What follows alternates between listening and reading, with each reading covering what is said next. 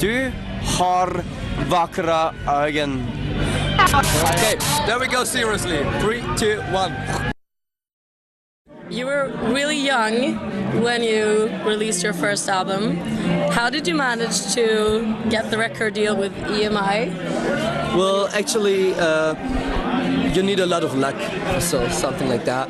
Actually, we were uh, before we were with our producer, and we got the album already almost finished, and then we played a showcase in Berlin, and EMI watched it, and they found it awesome, and it was so perfect. They were standing. The next day, they were at a hotel.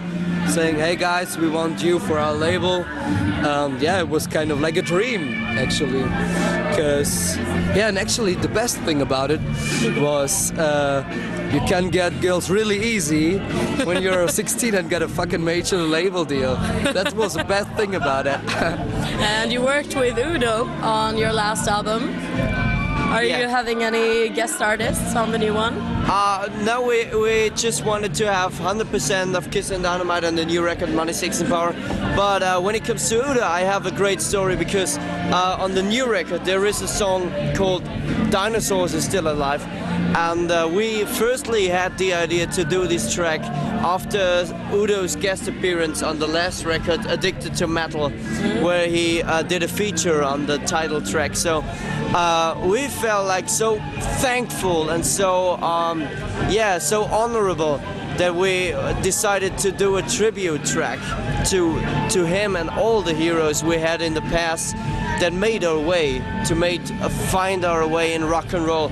So we did that song like uh, kind of uh, saying thank you to to bands like AC/DC, Iron Maiden, except uh, UDO of course, and uh, bands like Motley Crue, Skid Row, Guns N' Roses because they definitely made our way and our style and our music and um, yeah. This is the best way I can say thank you. You're going on tour right after the release of the album, right?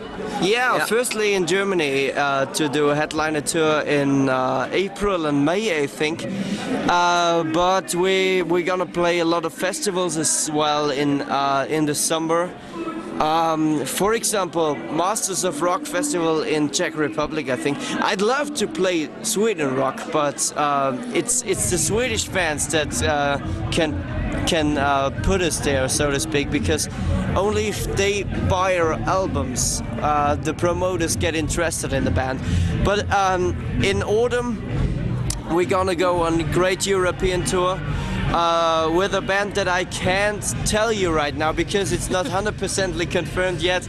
But I can promise it's gonna be massive and massive uh, UK and Scandinavia touring. Uh, it's it's gonna be really great. So you're coming to Sweden. Yeah, definitely, absolutely. I'd love to return because this day in Stockholm it was so brilliant. I'm I'm totally flashed, you know. i will definitely return for summer holidays Yeah. promise Cause then, cause then the, the girls don't have- then don't wear trousers. They wear short skirts and, and things like that. How did all you guys meet? Was it in school or? Definitely. Uh, we firstly met in primary school, I think, when we were about uh, nine or ten years old, and we formed the first band. And the ground core still exists. Um, uh, the bass player, me and my brother.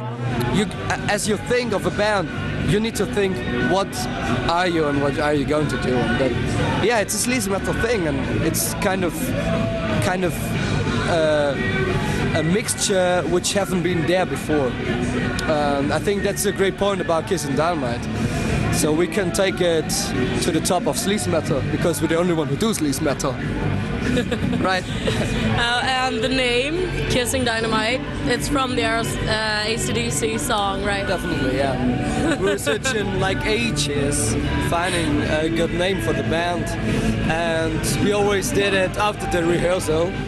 And once we were sitting together and discussing about names, really stupid names actually. Thank God we didn't choose that. and uh, yeah, one time the phone rings of Andy, our drummer, and he got the ringtone "Kissin' Dynamite" by AC/DC and was asking, "I don't know the song. What's that, what's that song?" "Yeah, It's "Kissin' Dynamite." "Kiss Dynamite." It sounds awful. It sounds perfect. "Kissin' Dynamite." Now that this is so once there is the power and once there is something different, like a, a little soft thing, like and yeah, we're thinking that is the best thing for us to do. Kissin' Dynamite. Cool. That's it. uh, traveling around the world and meet some new people, some new nice people, hopefully, uh, is is the best thing that can happen to us because uh, we're we're that um, interested in in different countries and different styles of living that we always talk to people. And especially now on the promotional tour we, we met a lot of people from I don't know UK London uh, now we are in Stockholm tomorrow we're gonna be in Paris.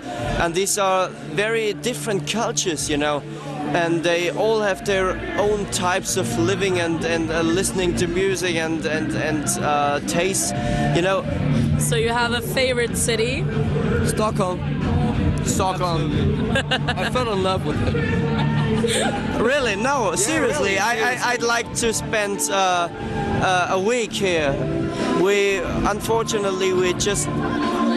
Uh, un- unfortunately, we just spent one fucking day here, but I'd like to be uh, for a week here.